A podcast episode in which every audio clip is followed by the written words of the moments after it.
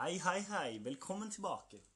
Mitt navn er Johannes Lauten Hagen, og i dag skal vi snakke litt om hvordan endringer i samfunnet påvirker yrket, helseyrket.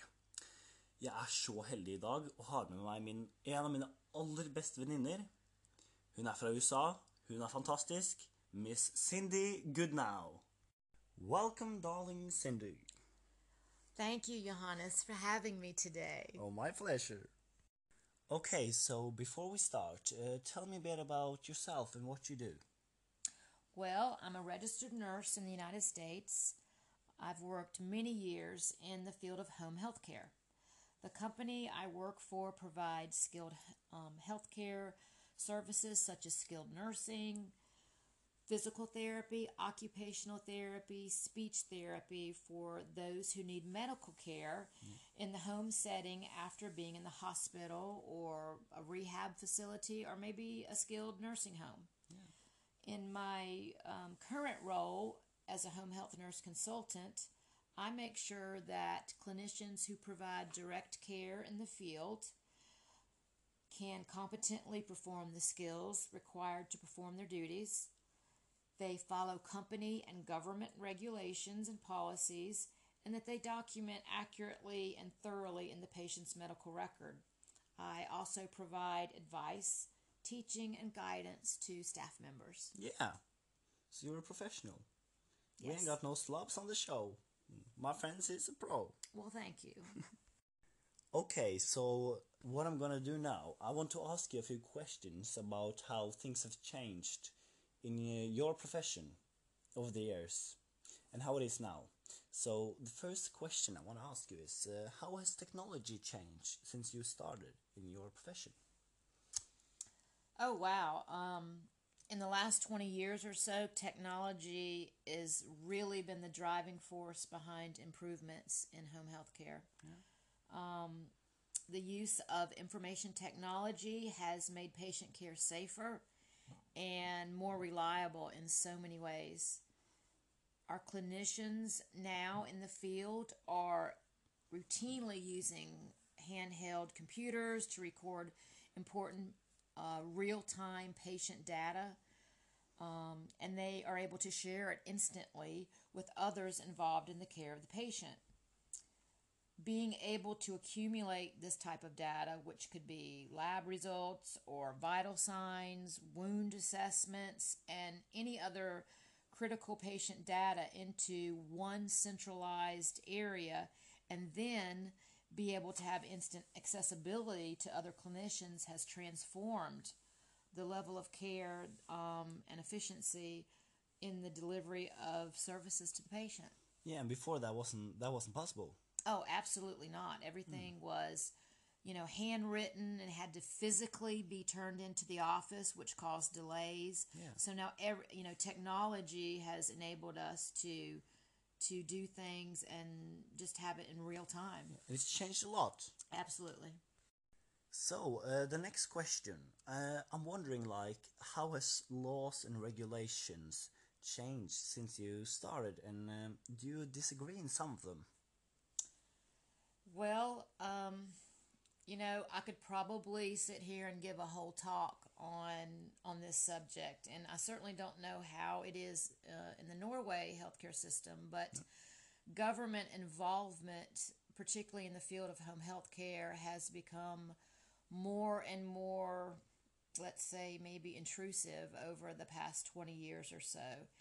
Everything that we do from a home health perspective is driven by certain government regulations that drive how we document, how we deliver care, and how we are reimbursed. And you know, uh, you know, on the surface of things, absolutely, you could say that that's all negative.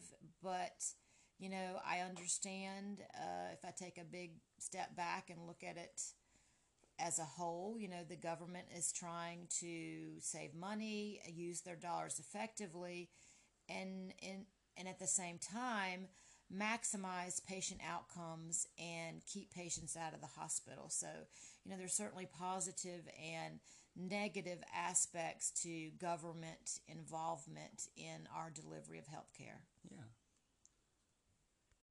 Okay, cool. So my next question will be, have you noticed the other employees, like how their attitude has changed over the years? Um, yeah, I, I think that, you know, if I, I could certainly say that employees now, you know, and I don't want to sound too negative, um, but, you know, certainly I don't think employees have the work ethic that maybe I had when I was a younger nurse. Employees at times don't have the loyalty to the company that they once had.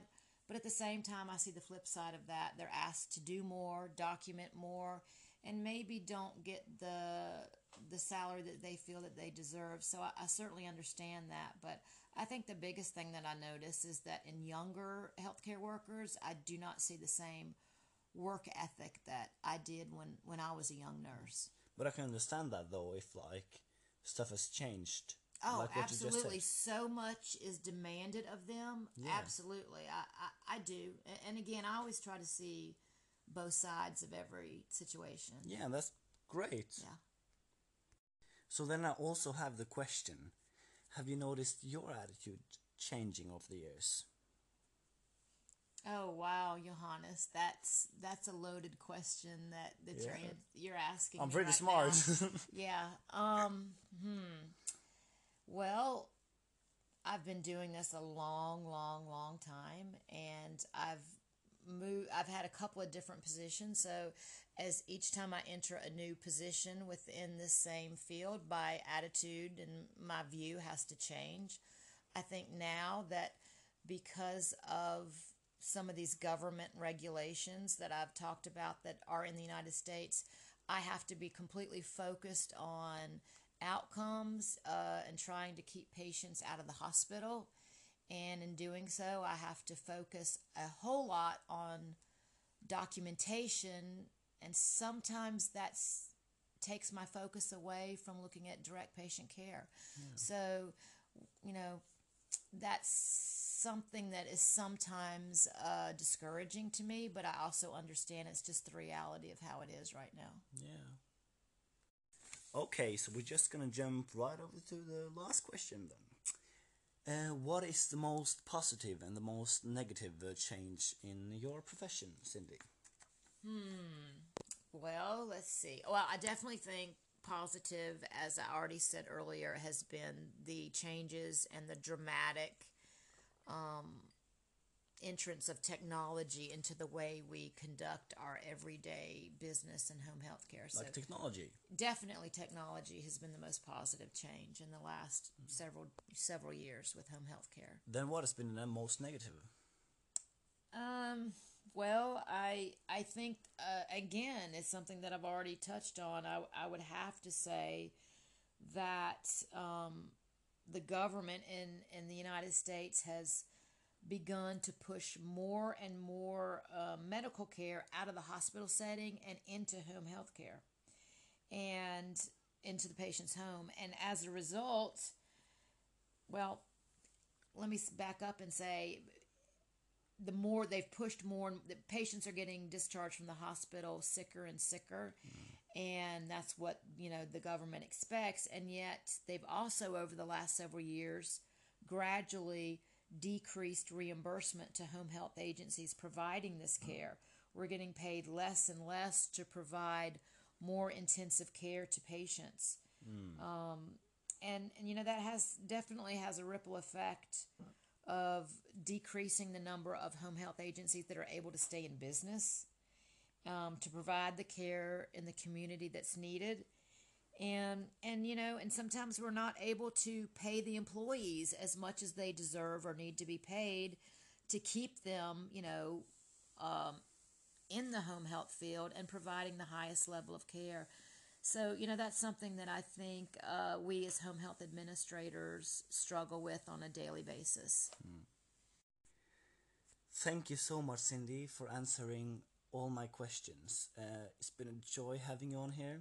As I said, one of my best friends from the United States, Miss Cyndy Goodenow. Thank you so much. Oh, it's been awesome, and I've I've loved being able to share with you and and your your teacher uh, a little bit about the United States healthcare system as far as home health goes, and and it's been great and wonderful talking with you as well. And we're going to compare what she said to what the people at my internship said in one second. Stay tuned! Ok, så når jeg spurte de på praksisstedet akkurat de samme spørsmålene som jeg ga til Cindy, så var det ganske interessant å høre forskjellen mellom de to landene. Når jeg spurte det første spørsmålet, som da var eh, hvordan teknologi har forandret seg siden de startet, så fikk jeg jo selvfølgelig nesten det samme som Cindy. Og det var da at eh, de ikke nå skriver inn ting i journaler lenger, men de da har Gerica, som da er et computerprogram. Nesten akkurat som Cindy fortalte om, hvor de hadde håndholdte computere. Spørsmålet om eh, hvordan lover og regler har forandret seg, det var med andre ord veldig annerledes. I USA så fortalte Cindy at regjeringen har begynt å involvere seg mye mer i yrket, og gjør noen ganger litt eh, ting som er litt feil for å spare penger. Mens her så har de faktisk ikke merket så veldig mange endringer på lover og regler. Men eh, noe de syntes var veldig negativt, det var at eh, de ikke har lov til å ha med seg brukerne i sine egne biler lenger. Neste spørsmål jeg da hadde, det var om de har merket om de ansattes holdninger har forandret seg siden de begynte. I Norge så hadde de ikke merket noen stor forandring. Mens i USA, der sa Cindy at eh, de har eh, begynt å få dårligere arbeidsmoral. Og dette skyldes da at de har mye mer arbeid enn de hadde før, mye mer press, og de får dårligere betalt. Mens i Norge så har det holdt seg ganske stabilt, og dermed så er holdningene ganske like. Når jeg spurte Cindy om hun har merket sine egne holdninger forandre seg, så sa hun at hun merker at eh, hun bryr seg mer om å dokumentere om pasienten, og skrive papirer enn å faktisk bry seg om selve pasienten. Dette er jo noe veldig negativt, men hun har ikke ment å gjøre det. Mens her i Norge så er det faktisk eh, omvendt. Hvor da den personen jeg intervjuet, eh, har begynt å sette seg mer inn i hvordan pasienten må føle seg. Dette var da noe hun ikke gjorde så mye før, hvor hun da bare gjorde akkurat det hun fikk beskjed om, og så tenkte hun ikke så mye på hvordan pasienten hadde det. Men eh, hun har mer og mer begynt å tenke på det. Når jeg spurte det siste spørsmålet, hva er det mest positive og mest negative som har forandret seg, så sa Cindy selvfølgelig at teknologi var det mest positive. Og det negative var at regjeringen da dytter flere pasienter fra sykehuset og til hjemmene sine. De sender sykere og sykere pasienter hjem, og de som jobber, blir betalt mindre og må gjøre mye mer avansert arbeid på pasientene. Her i Norge så hadde de jo selvfølgelig ikke så veldig mange eksempler, fordi de sa at det ikke så masse som har forandret seg, faktisk.